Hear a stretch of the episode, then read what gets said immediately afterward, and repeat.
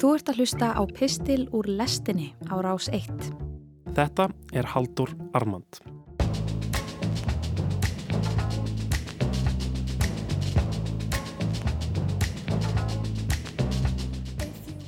Ég heyrði nýlega þá speki hafða eftir afabróðum mínum Gunnlaugi heitnum að það væri mikill miskilningur að fólk eigi að lifa í heilbreyðri skinnsemi. Þvert á móti væri leikillin að góðu lífi að lifa í heilbreyðri óskinnsemi. Þetta er góð hugsun og þegar ég heyrði hana fannst mér miður að ekki fengi tækifæri til þess að spyrja kallin hvað hann átti eiginlega við með þessu. Svo mikið af heimsbyggi og hugmyndasögunni snýst til dæmis um þá ímyndun að manneskjan geti lifað örug í skjóli skinnsemi sinnar eða haft slíkt taumhald á tilfinningum sínum í krafti skinnsemi að hvers konar ófarir eða missir hafi engin áhrif á hana. En mest af því sem kemur fyrir okkur í lífinu hefur ekkert með það að gera hvað skinnsemi okkar segir og tilfinningum okkar er ekki stýrt af hugsunum heldur líkamannum. Þess vegna er ekki hægt að hugsa sig inn í það að verða ástfangin eða út úr sorg. Menn beita skinnsemi sinni og þekkingu til þess að öðlast smásaman meiri völdi yfir náttúrunni. Síminn í vasanæðinum er miklu öfluri og betri en sambarlegt tæki fyrir tíu árum síðan og nú líða hljóðulátir rafbílar um gödunar sem fyrir nokkrum árum voru hvergi sjáanleir. Stundum held ég að þetta sé eina af ástæðum þess að það er svo viðtekið í dag að fella stóra siðferðistóma yfir fortíðinni. Fyrir 200 árum óg fólk millir staða í hestakerrum og það þýðir mæntanlega líka að hugmyndir þessa fólk hafi verið á jafn frumstæðu stíi, ekki satt. En það er ekki svo. Siðferði ferðast kannski ekki beint í ringi eða er árstíðaskipt en það er miklu líkara tískuþróun í lífæskalaböksum heldur en einhverju sem hægt er að kalla skinsamlega eða fyrirsjálega þróun. Núna eru útvíðar lífæs aftur í tísku, alveg eins og pyntingar og eftirlitsþjóðfélag eru núna ekkert sem fólk kipir sér sérstaklega uppið, öfugt við fyrir nokkrum árum eða áratugum. Það eru 100% líkur á því að framtíðin mun hlæja að okkur. Og eins erum við ekkert nær því að vita hvernig við eigum að lifa lífinu en hver annar forn Egipti þótt hann hafi ekki átt þráðlaus hirnatól.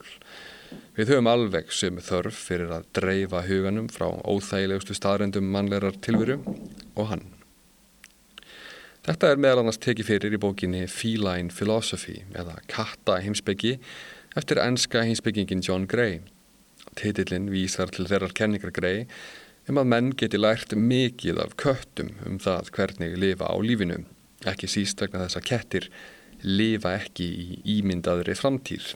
Kettir þurfu ekki að segja sjálfum sér sögur um lífið á tilvöruna til þess að lifa af, þeir þurfa enga réttlætingu fyrir því að vera þeir sjálfur Þeir leita ekki merkingar í einn þjáningu og þeir virðast finna hamingju eða að mista kosti frið og sátt með því að leita hennar ekki skipulega heldur einfallega framkama það sem þeim finnst áhugaverðast hverju sinni.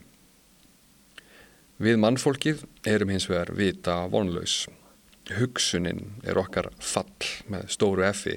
Frá nöðrunni fengum við sjálfs meðvutund okkar að gjöf. Við vitum ekkert hvað við erum að gera hérna eða hvernig við eigum að fara að því að vera til og við áttum okkur á því að við vitum ekkit um það. Við erum meðvituð um það, þess vegna reyðum við okkur á ímyndunarablið. Það er okkar flótti.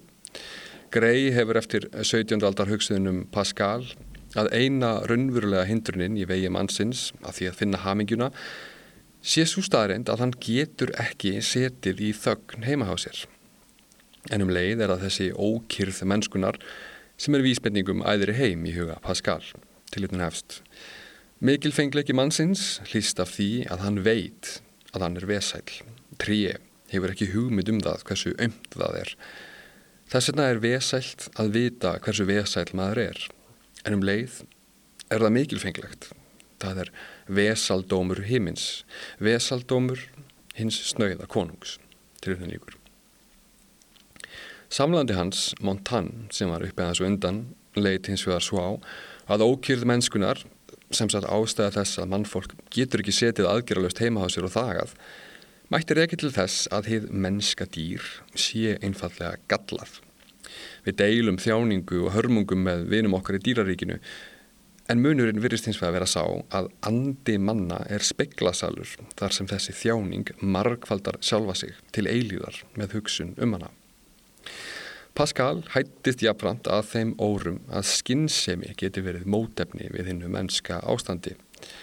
Allar manneskjur er á valdi ránkumida því það er leið þeirra til að fá einhverja festu í lífsitt og losna undan áþján sjálfsmeðutundarinnar eins og grei kemst á orði þá eru menn yðurlega bæði tilbúinir til þess að deyða og deyja fyrir vittlausar hugmyndir vegna þess að þessar vittlausu hugmyndir eru það eina sem færir eitthvað vit í líf þeirra menn telja sér trúum að þeir séu skinsamir en þeir eru það ekki og það er svona sem ég skil lífsbyggi afabróðum minn sem að það ég frekar að lifa í heilbreyri óskinsemi en skinsemi Trúin á það að þú getur einhvern veginn unnið lífið með skinnsemi að vopni er bull.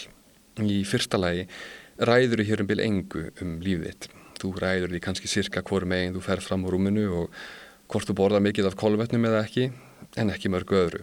Það hvernig þú ert að upplægi, hvar þú fæðist, inn í hvaða aðstæður og í hverju þú lendir hefur afskaplega lítið með skinnsemi að gera. Það sem skiptir máli lítur líka ekki skinnsemi Ég kynntist nánum vinið mínum þegar ég var í skiptinámi og mætti fyrir tilviljun í nákvæmlega eins peysu og hann í skólan. Í öðru lagi þá ertu ekki skynsum. Það eru allar líkur á því að þú, alveg eins og allar aðrar manneskjur, trúir alls konar hlutum sem hafa ekkert með skynsum að gera, eiga sér enga raunverulega stóð í heiminum og geristundum jafnvel ítrekað hluti sem þú veist ekki af hverju þú gerir. Ég vitna hér í Rómverjabrifið eins og svo ofta áður, 7.19. Hið góða sem ég vil ger ég ekki, en hið vonda sem ég vil ekki, það ger ég. Já, þarna er maðurinn, þetta er maðurinn, svona er maðurinn, ekki homo, gallakripur, gangandi mótsögn sem getur ekki séð heiminn nema í skuggsjá hugmyndana.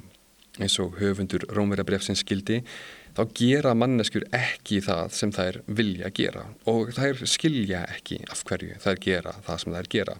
Það er meðal annars vegna þess að í þriðja lagi þá viljum við einst inni ekki gera skinsamlega hluti.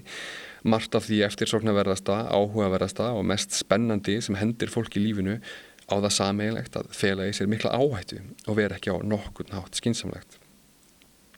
Tökum til dæmis ástina, það óskinsamlegasta af öllu að vera ástfangin er að hafa öllu að tapa. Það er það sem gerir upplifunina svona óviðjafnarlega, svo ægilega og stórfenglega í senn. Þú ert all inn í leiknum og þú hefur aldrei verið meira á lífi. Þú ert bókstaflega fangi ástarinnar og þú hefur engar varnir, engar, nema þína eigin vitfyringu. Svo af hverju hefur við að lifa í heilbreyðri óskinnsemi vegna þess að óskinnsemin dregur mótsagninnar innra með okkur fram í dagsljósið. Hún sýnir hvað við erum tilbúin að leggja veði, á hvað við trúum, hvað drauma við eldum, hverju við erum tilbúin að tapa og viljum jafnvel innst inni tapa. Ruggluðu hlutinir sem þú gerir munu afhjúpa hver þú ert. Að lifa í heilbreyðri og óskynsemi er að játast skilmálum heimsins eins og hann er og finna frelsið í því að maður er gallaður og stjórnar engu. Það losar ólarnar og gefur manni kjarkin til þess að skora öðru hverju lífið á holm ekki þrátt fyrir að maður gæti tapað öllu heldur einmitt vegna þess.